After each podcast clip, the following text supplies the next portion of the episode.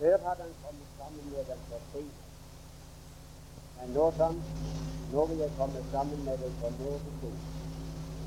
Og så tale ovenifra den alt det som jeg har å by deg du skal starte. Og så leser vi i Fjerde Mosebok, det syvende kapittel. Nei, det var litt feil. Fjerde kapittel.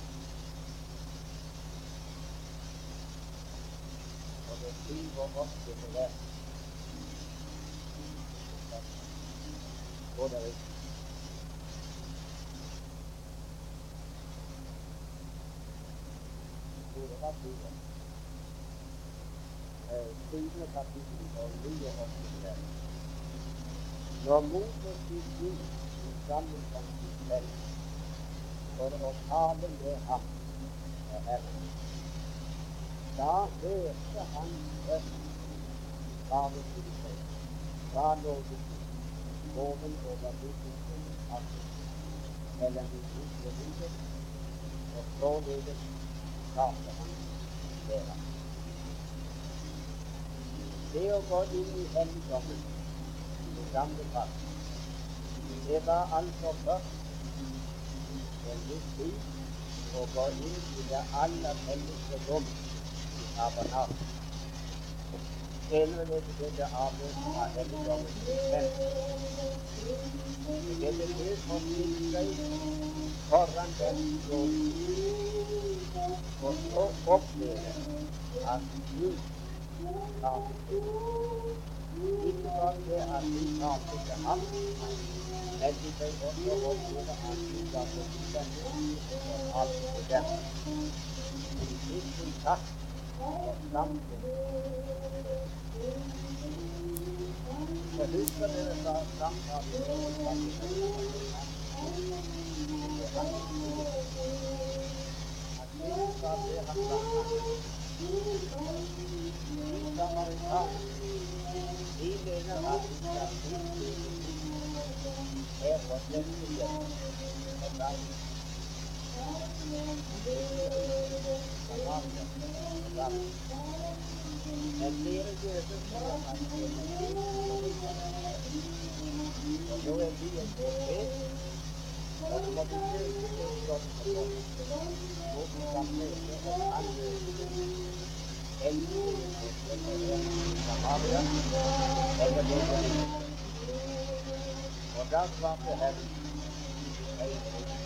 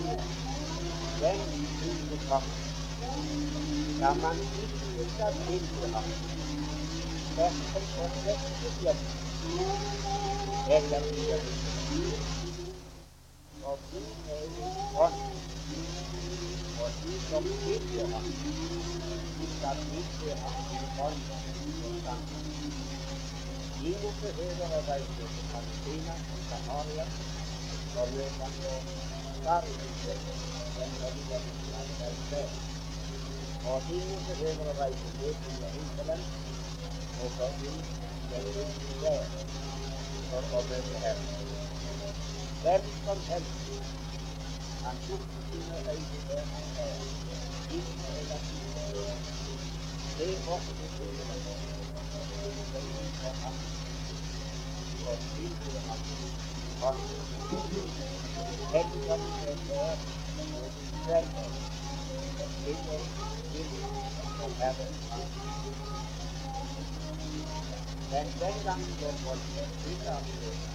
Men det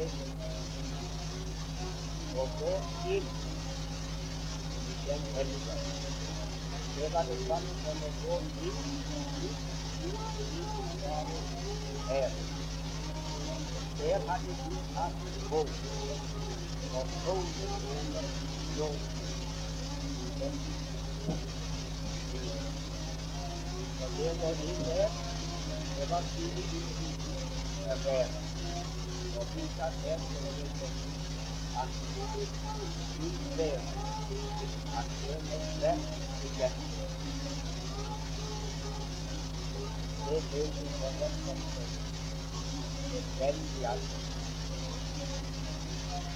gå og strekke meg, kan vi gå rett inn på ut av den han lever, det er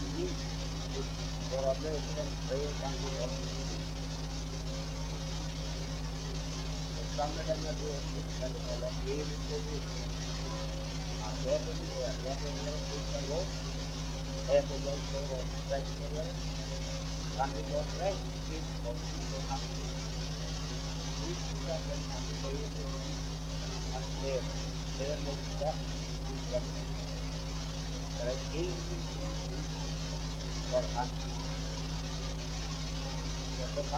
oppleve, som vi kan se, ikke bare at vi snakker ham. Vi snakker ham, men vi får oppleve at den vi gir oss i venner, får snakke med oss. Vi får merke hans røst. Vi blir høy gjennom skyen. Ikke noe sånn overnaturlig du får merke det i vårt hjerte, i vår egen ånd, at Guds ånd ikke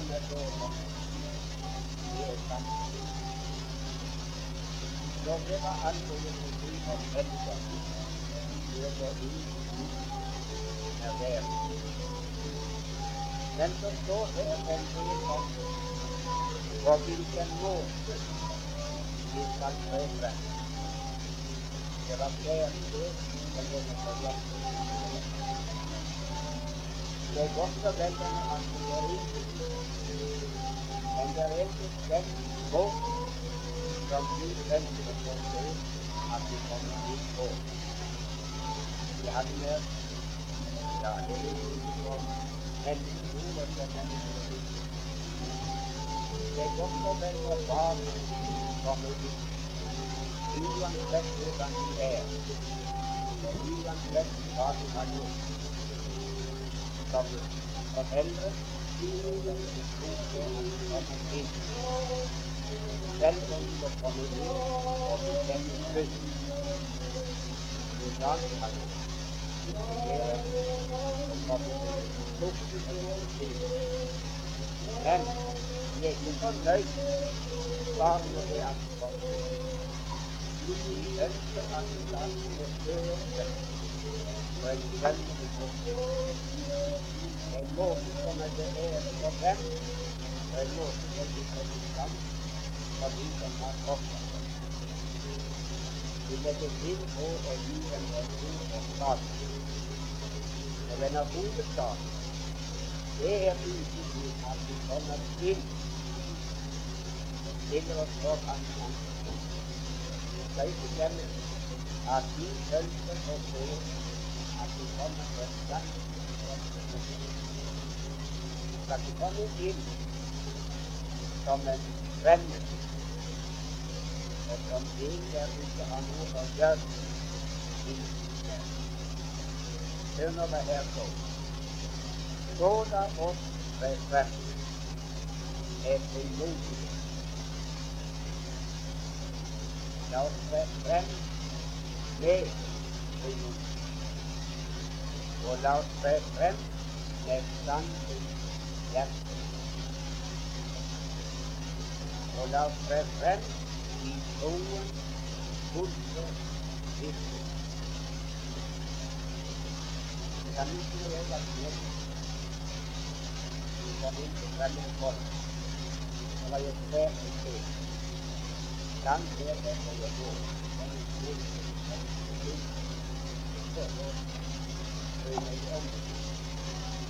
Men så kan jeg huske at jeg så med levende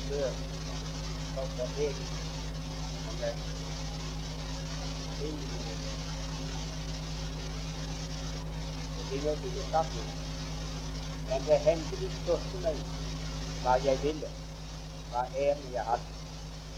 Hovedsaken var jo at jeg var kommet meg inn. Men jeg burde ikke ha stått der, venn, pulsering med fingeren i munnen og nesten litt som gården som sånn at jeg respekterte og dem.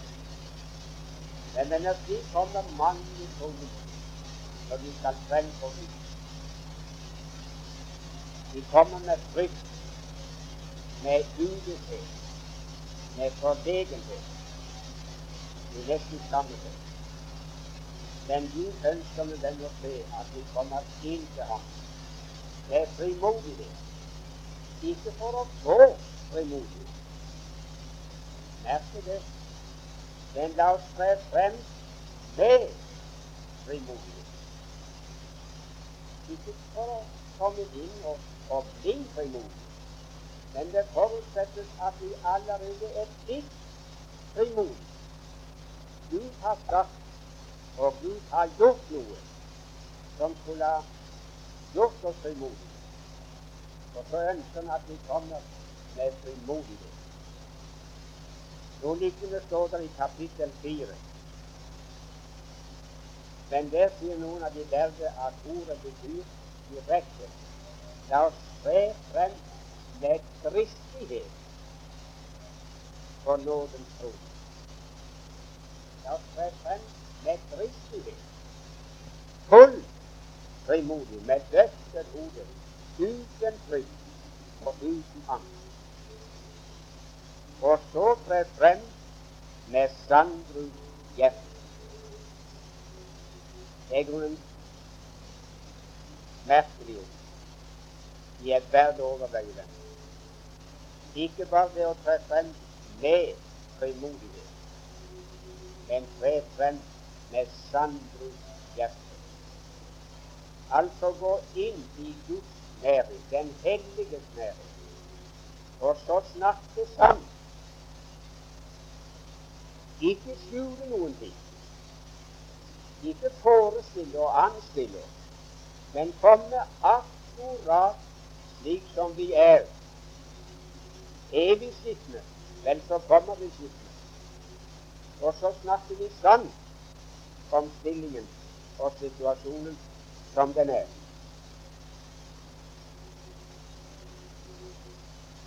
Tenk nå, tenk nå først over stedet hvor vi skal tre frem. I helligdom. Og den tre ganger hellige Guds ansikt. Han som har øyne som ildsluer, som ser oss tvers igjennom. Selv den minste tanke som rører seg i vårt sinn, er blottet og bar for ham. Og så skal vi ennå til tross for det kunne gå inn med frimodighet. Og tenk så på hvem det er som skal gå inn. Det er ikke englene som er oppfordret til å tre frem, men det er mennesker. Det er dere og meg. Og det vil si det er syndere. Syndere av alle slags. Mennesker som har syndet mot Gud, og som vet det, og som står for Guds ansikt og erkjenner og tilstår at han har syndet. Og så snakkes sant med Gud om det. Jeg hadde lyst til å spørre før jeg går videre. Si meg, venner Hvis du skulle gå inn i Guds nærhet nå nettopp nå i kveld. Hva måtte du da snakke om når du skulle snakke sant? Jeg spør ikke om hva du ville si og snakke om når du visste at andre mennesker hørte på deg, f.eks. på et bønnemøte. Da er det sjelden at det blir snakket helt sant. På et bønnemøte, venner, der skjuler vi og tier vi med det verste i vårt liv. De kommer bare frem med ting som, som vi har risikoen for at andre skal få høre. Men det som kunne nedsette vår tillit og vår respekt hos andre, det holder vi tett med. Det snakker vi om da. Skulle vi dømme etter det vi hører på et bønnemøte, så skal vi tro at de aller fleste det var sånne fredlige kristne. De kunne ha Gud kunne ha en varemester og så stille dem ut. Og så fikk iallfall sløyfe. Sånne fromme, gode eksemplarer. Guds frykt og hellighet, den nesten drypper av oss. Nei, men jeg spør om hva, hva måtte du snakke om med Gud når du visste det er bare Gud og meg? Det er ingen andre nå som hører meg. Ikke vinner jeg tillit og ære på grunn av det jeg sier, og ikke mister jeg det. Det er bare Gud og meg som hører det. Hva måtte du da snakke om i kveld? Kunne du stå som fariseeren oppe i tempelet og si 'Jeg takker deg, Gud, for jeg er ikke sånn som andre mennesker'. Her er alt i orden. Kunne du det? Eller måtte du som den stakkars tolleren slå det på ditt bryst? Du må aldri glemme det. Eller rett og slett, du må ikke overse det når du leser den beretningen om fariseeren og tolderen. Tolleren bestående langt borte. Han visste han var en synder, langt borte fra Gud. Så det sømte seg ikke for ham å gå nær til han lot det være avstand. Og så slo han seg for sitt bryst, ikke for pannen, men for sitt bryst. Og så sa han, Å Gud, vær meg synderen nådig. Slik skal det stå. Ikke bare vær meg synder nådig, men vær meg synderen nådig. Og skal vi ha det ganske ordrett, så sa han Gud, vær imot meg synderen, slik som du alltid er når dine øyne er vendt imot nådestolen. Denne han var en jøde. Og han visste om en helligdom. Og han visste om en nådestol som ble besprengt med syndofferets blod. For det var stenket blod for den nådestolen, også for hans synder. Og når han sto der ute i tempelet, så tenkte han på den nådestolen bak forhenget, og det blodet som var stenket der. Og så kjente han av historien hvordan Gud før hadde vært, bestandig hadde vært, imot syndere når han så blodet på nådestolen. Og så skjøt han seg inn under det og sa, Å Gud, vær imot meg synderen, slik som du alltid er når dine øyne hviler på nådestolen. Jeg sa han slo seg ikke for pannen, men for sitt bryst. Det gir uttrykk for, venner, at han visste hvor skaden var hen i hans liv. Det var ikke noen feil med forstanden, men det var noen feil med hjertet, med hans vesen. Det var der skylden og synden og urenheten satt.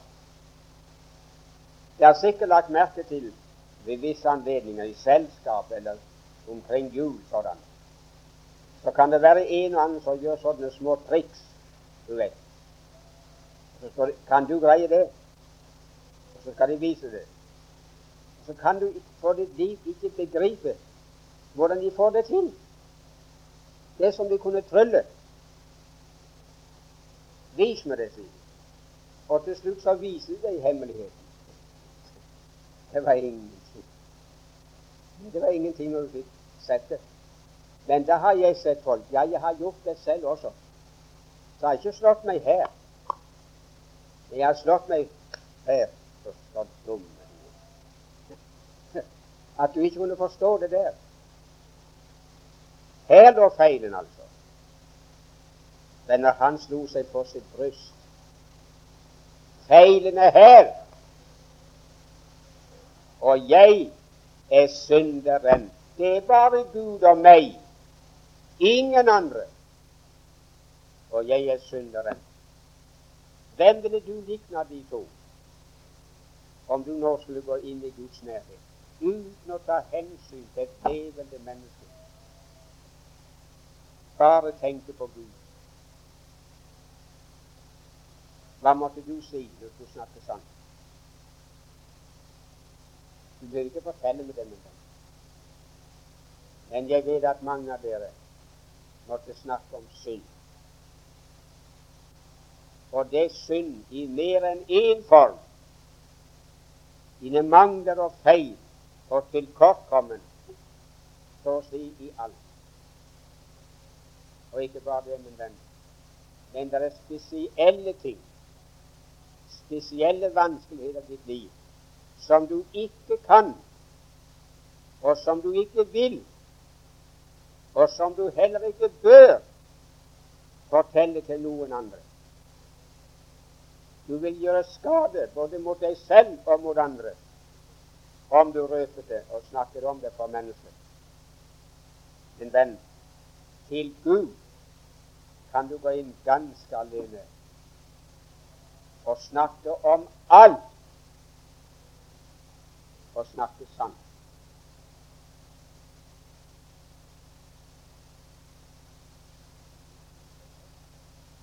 Jeg har hatt med mennesker å gjøre, troende mennesker,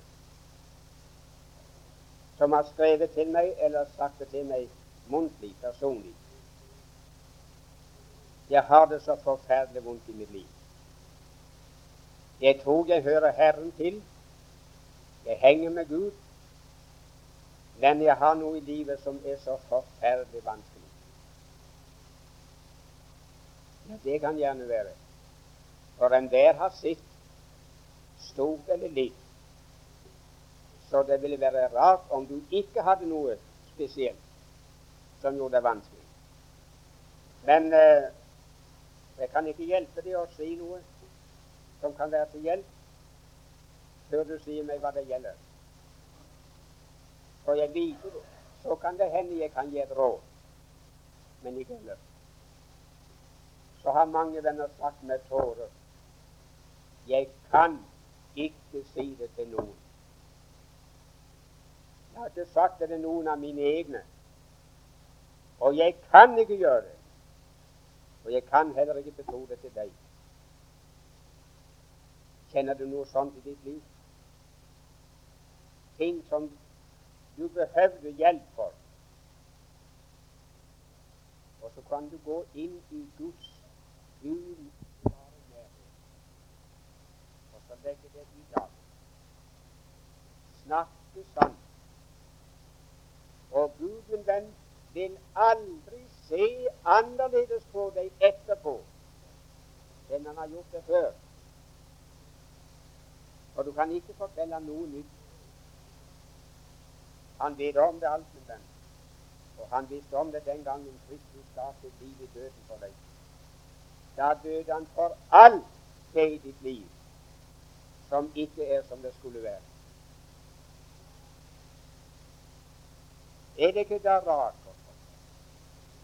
Er det ikke underlig? Det forekommer meg helt ubegripelig at Guds ord kan oppfordre oss til at vi skal komme inn i helligdommen, i Guds nærhet, med frimodighet når jeg er slik og slik, og når jeg må snakke om slike ting, ting som jeg vil skamme meg for å nevne for et annet menneske. Jeg ville miste tilliten om jeg snakker om det til andre. Og så kunne gå inn i Guds nærhet, snakke sant og allikevel komme med løftet panne og løftet øyne. Med frimodighet. Ikke gå ut igjen frimodig og har blitt trøstet. Nei, min venn, men jeg kom inn med frimodighet før han har trøstet meg.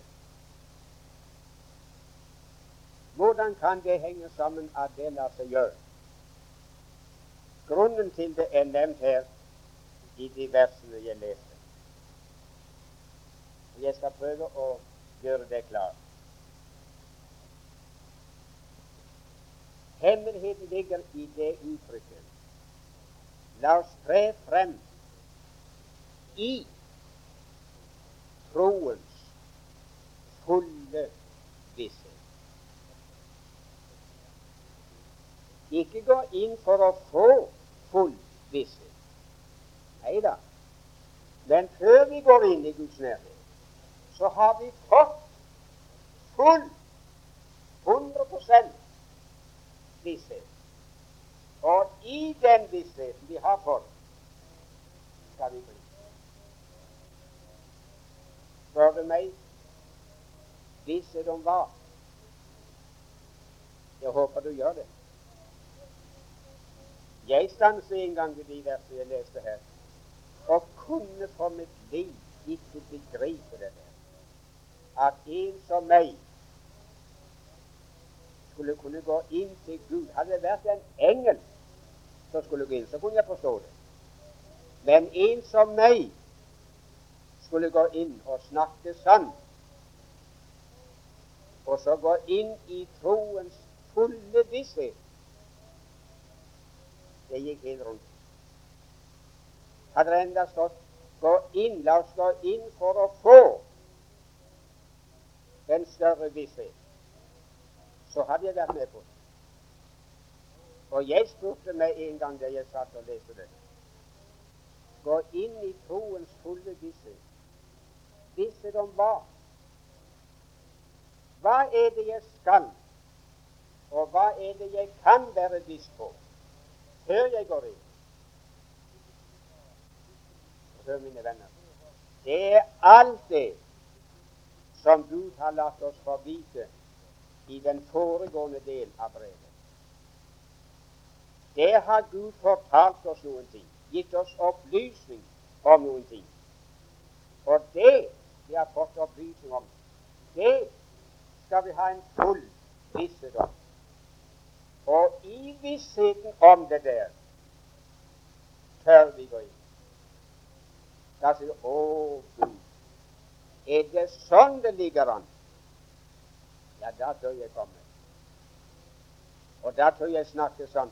Da åpner jeg hele posen og sier, vær så god, Gud, her har du meg med hele stasen. Så nå tør jeg komme. Men hva er det Gud har fortalt oss før vi går inn, som vi kan være viss på? Det er for det første det at når vi går inn i hans nærhet, så har vi en full visshet om at der i hans nærhet er gjort renselse for alt det vi skal snakke om. Det er gjort renselse for alle våre synder, skjulte og åpenbare. Det beste og det verste vi kan komme til å snakke med Gud om det er det, er det ordnet opp for. Det står i kapittel 1 og i vers 3 at Kristus, han som er avgrensen av Hans herlighet, da han hadde gjort renselse for våre synder, så gikk han opp og satte seg ved den høyre side av majestetens trone i himmelen. Da han hadde gjort renselse for våre synder, så gikk han opp og satte seg ved Guds høyre hånd. Si meg, venner som sitter her i kveld, regner du med det? Har du det klart i ditt sinn når du kneler ned og skal stille deg inn for Guds ansikt, at der er gjort renselse for alle dine synder. Gud har ingenting imot deg mer.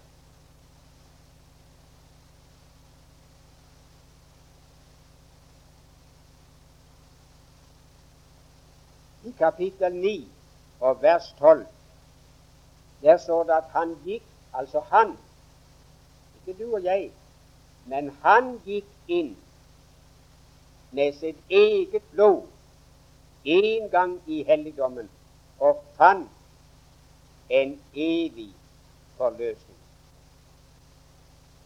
Men det har Gud gitt meg beskjed om før jeg bøyer kne, før jeg stiller meg inn for hans ansikt. Så jeg kan se opp mot du og si Å, Fader, takk. Det er forløsning for meg. Det er gjort renselse for alt det som tynger min samvittighet, alt det jeg står anklaget for, alt som jeg må snakke med dem om. Er ren for alt. Og så står det i kapittel 6, 9, 6, vers 26 at han ble åpenbar én gang ved tidenes ende for å ta synden bort ved sitt offer. Jeg tror jeg vil bemerke det med det samme. Undres på hvor mange det er dere troende som har heftet dere ved det uttrykket at han ble åpenbart én gang ved tidenes ende for å ta synden bort. Vil ikke du helst ha det til at det skulle stå en gang i tidens fylde? For det var da tidens fylde kom, Gud sendte sin sønn til denne verden, født av en kvinne. Men det som står i Hebrevet 9, vers 26, det er det. Han var åpenbaret ved tidenes ende, alle tiders ende, for å ta synden vekk ved sitt offer. Ja, men kjære, sier du, det hadde ikke vært dommedag ennå. Verdens ende er ikke ennå kommet. Nei, han er ikke det, heldigvis, for oss personlig. Men venner, på Golgata var det for Guds vedkommende og Hans sønn verdens ende. Nå holdes dom over denne verden. Han døde, venner, ikke bare for de synder som var gjort i tidene før, som da var gått, men han døde også for alle fremtidige synder. Alle synder som ennå ikke var gjort, og for alle synder som ikke er gjort heller i dag. All fremtidig synd. For ham var det verdens ende, tidenes ende. Han gjorde opp denne for alt. Du kan ikke nevne én ting i ditt liv som han ikke gjorde renselse for. Den beskjed har vi fått. Og så kan vi gå inn i troens fulle visshet om at det er gjort renselse. Der er soning for våre synder. Han har tatt den vekk ved strømmen av sitt blod. Vi skal ikke gå inn venner, i troens fulle visshet om at vi tror. Det, det er det du har balet med så mange ganger. Du er ikke viss på at du er viss. Du er ikke sikker på at du tror. Og det du strever med, det er å få det til å ikke å tro, men å få det til å tro at du tror. Ja, men det har Gud aldri bedt deg om. Det finnes vel ikke et vers i hele Bibelen som sier at jeg skal være viss på at jeg tror, eller tro at jeg tror. Hvis jeg det gjør, så har jeg livet. Så er jeg frelst. Det, det ord finnes ikke, min venn. Nei, jeg skal tro på Ham. Jeg skal være viss på, full viss på, at det Gud har fortalt meg, det er korrekt. Det holder slik. Og har Han sagt at Kristus har gjort renselse for mine synder, så er jeg viss på det. Og med en gang går folk skjellet faller fra øynene, og du ser at der er gjort renselse ved Kristi blod, ikke ved noe som du har med deg og vifter med for Gud, men ved Kristi blod. Da vi har frimodighet i Hans blod, til å gå inn i helligdommen. Vel, vel, så går vi inn. Så har vi formodet kommet. Når ypperste presten i den gamle pakt hadde frimodighet Han kunne driste seg til å ta forhenget til side og stige inn i det aller helligste. Hva, hva var forklaringen på det? Hvorfor kunne han det? Hvorfor vågde han på det? Eller står det at hvis noen kom inn, så falt de døde om. Skulle dø. Venner, det var bare én ting som skapte ypperste presten frimodighet. Når han slaktet sonofferet ute i forgården, så hadde han en skål, og i den skålen samlet han opp offerets blod. Og så gikk han med den skålen inn i det hellige, og så stenket han blod på røkofferalterets Det er først på brennofferalterets fire horn. Et vitnesbyrd om døden er eksekvert. Døden har funnet sted. Den som synder, skal dø. Vel, han er død. Her er blod. På fire horn var det vitnesbyrd om blodet er utgitt. Så kommer han inn i det hellige, og så stenker han på de fire hornene av røkofferalteret av det samme blod. Det er gjort forlikelse for mine synder.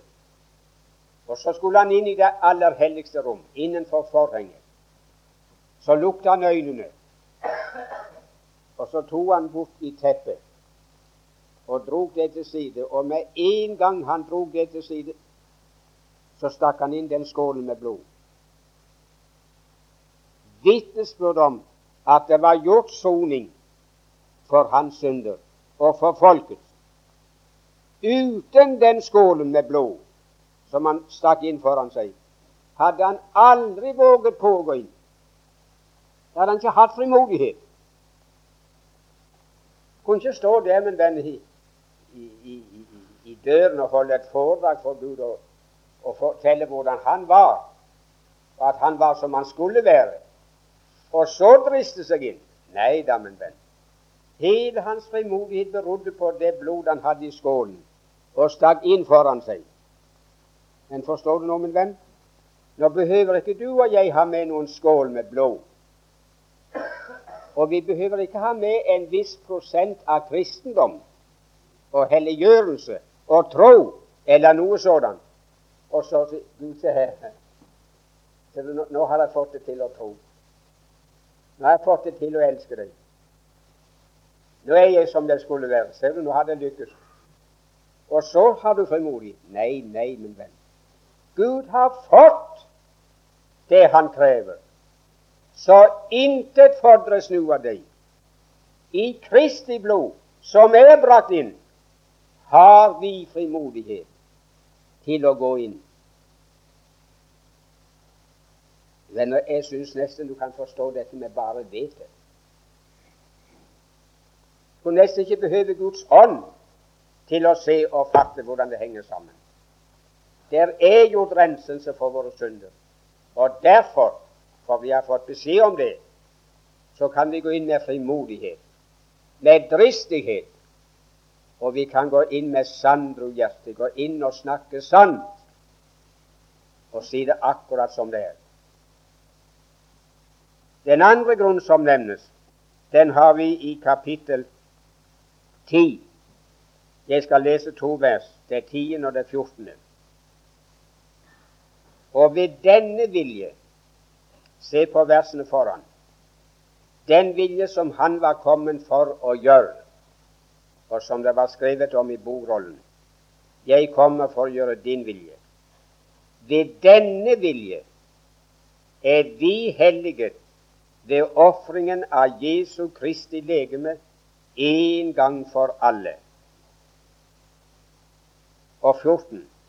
For med ett offer har han for alltid gjort dem fullkomne, som blir hellige. Venner, den beskjeden har Gud sett oss ut utenfor helligdommen. Så vi kan vite det nå, altså. Ha full visshet om det, at jeg står for Gud som et fullkomment menneske. Et menneske som er renset, og som er tvettet, og som er gjort hellig og fullkommen en gang for alltid ved Hans offer. Så når jeg går inn og nærmer meg Gud, så nærmer jeg meg en Gud som ikke er sinna. Ikke en Gud som er misfornøyd, og som jeg skal tilfredsstille. Men jeg går inn for å møte en Gud som har antatt meg og ser på meg med velbehag.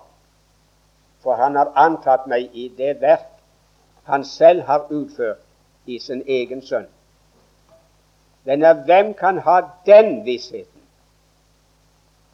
og så ikke kunne gå inn med frimodighet? Men det er også en annen ting, og den har vi i samme kapittel, men i 15. til 18. vers.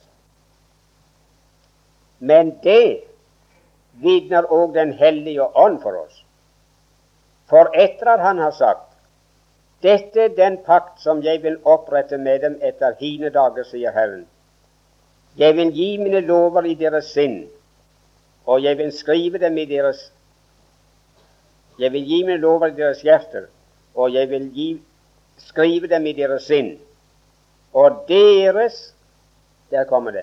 Og deres synder og deres overtredelser vil jeg ikke mere komme i hu.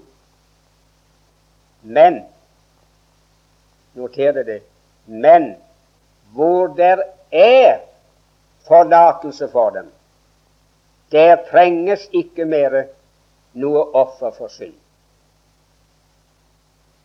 Forstår det, min venn? Der er forlatelse for dem. Vår frimodighet er ikke grunnet på at vi ingen synder har å bekjenne for Gud. Nei, nei, min venn. Men den er grunnet på jeg har fått beskjed om at der er forlatelse for meg, for all synd. Men når all samfunn i denne verden er basert på tilgivelse Uten tilgivelse kan intet samfunn bestå, verken mellom mennesker eller Gud. Hvis samfunnet skal bestå mellom foreldre og barn, så må det være rom for tilgivelse. For foreldre kan forgå seg mot barna, si og gjør det de ikke skulle ha sagt og gjort. Og barna de forgår seg og synder mot foreldrene. Og hvis det så ikke var rom for tilgivelse, så ble hjemmet et helvete. Samfunnet kan bare bestå når det er tilgivelse. Er det ikke rom for tilgivelse mellom ektefolk, så kan de bare gå til en prest eller hva du vil, og hekte seg fra en annen igjen. For det er ikke, det er ikke ekteskap lenger. Det er bare et hekteskap. Og det går ikke i lengden, min venn. Skulle det kunne bestå uten tilgivelse, så måtte minst en av de være en engel. De, de, mange de holdt på med sånn tullsnakk når de var forlova, og satt på hverandre sitt fang og kalte hverandre for 'engelen min'. Oh, for en stas, du. Jeg skal si, jeg skal si det var engel. De har ikke vært gift lenge, men venn, for de finner ut at det var et menneske likevel. Et menneske med mangler og feil, og som kunne komme til både si og gjøre det som var galt. Og skal så ekteskapet, for ikke å snakke om samfunnet mellom de to, bestå, så må det være rom for tilgivelse. Men når det er tilgivelse Takk, min venn, så er samfunnet i orden.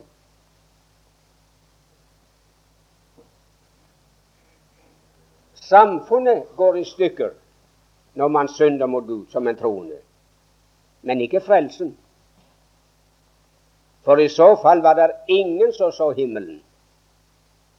For hvem og hvor er den troende som aldri har syndet i sitt liv? Noen dør i et øyeblikk Det er ikke tid engang å få bekjenne sin synd og be om forlatelse. Men de hadde syndet i løpet av den dagen. Og allikevel regner vi med som helt sikker på grunn av Guds ord de er gått til himmelen. For frelsen var ikke basert på det, men samfunnet. det var Det var et tilfelle hvor det var kommet en knute på tråden mellom mann og kone. Jeg tror hvis det var han som hadde forgått seg og sagt noe som ikke skulle være sagt. Og der brast det med en gang. Hun ble sur med en gang. Han skjønte hva klokken var slått. Og så gikk hun ut og smelte døra i. Mm -hmm. Der har jeg gjort det godt. Der røk samfunnet, men ikke ekteskapet.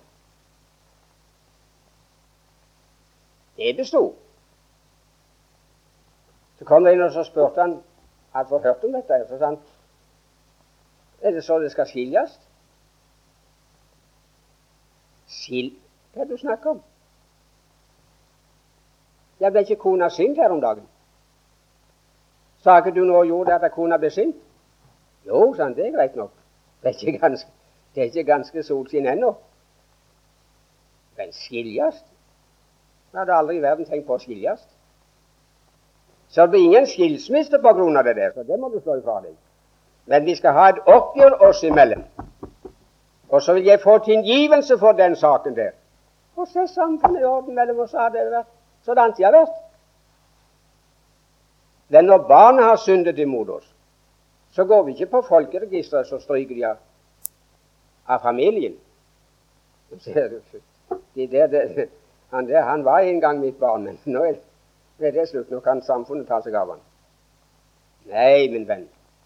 Han er fremdeles mitt barn, men som barn har han gjort det han ikke skulle ha gjort. Og det han trenger, det er min tilgivelse. Det hendte når jeg kom hjem av reis om tida når barna var små. Når han Arnold også var liten. Han er så lang at nå må jeg ha en liten stie for å opp og snakke med han. Men da var han liten. Og som regel så visste han dagen og tiden når jeg kom hjem. Og så skulle han alltid være oppe til jeg var kommet hjem. Og det var stas. Men så hendte det at jeg så ikke hyren til han jeg kom. Så spurte jeg etter han. Er ikke han alle kommet inn? Jo da, han er kommet inn. Hvor er han henne? Han har lagt seg. Lagt seg nå? Visste han ikke det at jeg kom? Jo, men han vil ikke være oppe. Det har han spist. Nei, han skulle ikke ha mat i kveld. Han har gått og lagt seg. Hva er nå som tis? Hva er nå som er tis? Og så fortalte hun det. Han hadde gjort noe som han visste han ikke hadde lov til å gjøre. Og så var han bange for at når jeg kom hjem, så fikk jeg visst det. Så var hans samvittighet dømt. Og samfunnet, det var brutt. Nå vel, hva tror du jeg gjorde? Jeg har telefon ute på gangen. Så jeg gikk ut der og, og slo på. Og så fikk lensmannen. Og sa unnskyld, er lensmannen til stede? Ja. Kan få snakke med han. Så kommer han. Ja, det her det er Bjerkreim. Hadde De anledning å komme her med en gang? Ja, har det hast? Ja, det har hast. Ja, hva gjelder det? Jo, det gjelder noe ganske alvorlig. Det er en gutt her som har gjort noe ravgalt som han ikke hadde lov å gjøre. Hvem er det? Det var en gang min gutt. Men nå får du komme og ta det av ham. Er han ikke min lenger. Han er ikke vårt barn lenger. Så nå får du ta det av ham. Tror jeg gjorde noe sånn galskap? Nei, min venn. Jeg lot gutten få sove ut til neste dag. Og hvis det var av alvorlig natur, så, så snakket jeg ikke ham om det. Og så gjorde vi den saken opp. Og så var alt i orden. Og verken han eller jeg husker mer hva det var for noe. Det er glemt. Det er ute av verden. Men det er akkurat på samme måte i Guds familie. Der er forlatelse for dem. Og der hvor det er forlatelse, der trenges ikke mer noe offer for synd. Og om du så har syndet, min venn, så kan du gå inn med frimodighet og snakke sant. For hos ham er det rom for tilgivelse. Så trenger du tilgivelse, så får du det. Har du lagt merke til det står i Efeserbrevet 1,7 at vi har, vi har syndenes forlatelse etter Hans nådes rikdom. Ikke at vi skal få syndenes forlatelse, men vi har syndenes forlatelse i Hans blod etter Hans nådes rikdom. Vet du hvor stor Hans nådes rikdom er? Hvis du vet det, min venn, så vet du hvor meget syndenes forlatelse du kan gjøre regning på. For du har syndenes, ikke synders, for det kunne være 5, 10, 20, 30, men ikke alle. Men vi har syndenes forlatelse i Hans blod etter Hans nådes rikdom. Det har millionærer her i byen. Flere stykker. Sett seg kom en stakkar som ikke kan skaffe seg levebrød på vanlig vis. Og så treffer han en av millionærene i byen. Og så forteller han sin stilling og ber om han kan være av med noen ører. Ja vel, han tar opp lommeboka, skal vi si. Han stikker til ham 100 kroner.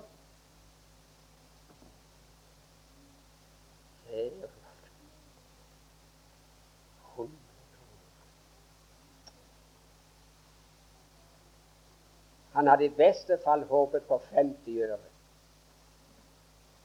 Og så fikk han en hundrelapp. Var ikke det storartet? Jo, jo, min venn. Men svar meg. Var det etter mannens rikdom?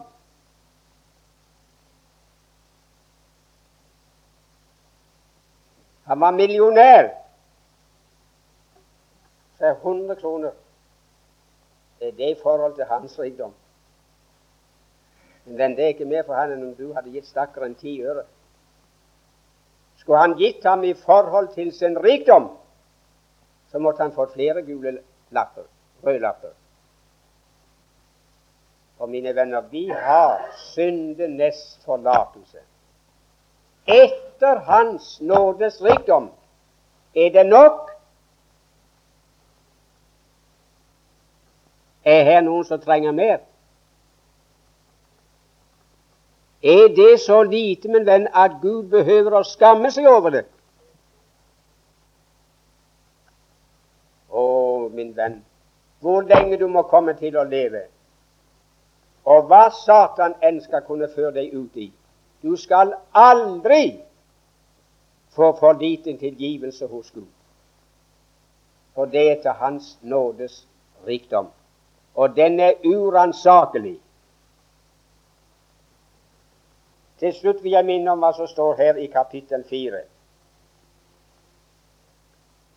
Ettersom vi da har en stor ypperste prest som er gått igjennom himlene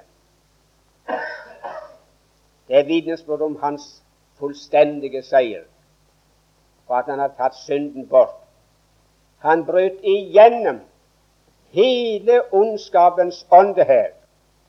Og høvdingen for hærmakt i luften, som er djevelen, han gikk igjennom himlene og like inn til majestetens trone. Hans seier på Golgata, venner, den blir respektert selv av djevelen. Nå vel. Ettersom vi da har en stor ypperste prest som er gått igjennom himlene, Jesus Guds sønn, så la oss holde fast ved bekjennelsen. For vi har ikke en ypperste prest som ikke kan ha medynk med våre skrøpeligheter, men en sådan som er blitt prøvd i alt i likhet med oss, dog uten synd. La oss derfor tre frem med frimodighet for nådens trone, for at vi kan få miskunn og finne nåde til hjelp i rette tid. Venner, fordi vi har en slik prest ved Guds høyre hånd, som har vunnet total seier, og som kan ha medynk med oss, og forstå oss i alle våre skrøpeligheter, så kan vi tre frem og holde fast ved bekjennelsen. Bekjennelsen av at jeg er en kristen. Bekjennelsen av mine skrøpeligheter. Bekjennelsen av at når Han kommer igjen, så skal jeg bli med ham til herligheten. Den bekjennelsen kan jeg holde fast ved på grunn av at Han sitter ved Guds høyre hånd og har medynk med meg. Ja, jeg sa sitter ved Guds høyre hånd. Det er riktignok, for det står der andre steder. Men her står det ikke Guds høyre hånd. Men la oss tre frem for nådens trone. Ikke nådestolen. Det får vi syndenes forlatelse. Men på nådens trone, det er der han nå regjerer. Det er hans plass i himmelen. Og så trer vi fram for nådens trone. Navnet på den trone han sitter på, er nåde. Så bare det navnet som gi meg frimodighet til å tre frem og komme inn og bekjenne. Sånn? En liten illustrasjon skal være ferdig. Noen av dere sikkert kjenner navnet George Muller fra England. Han som var grunnleggeren til de veldige barnehjemmene som ble opprettet, opprettet og drev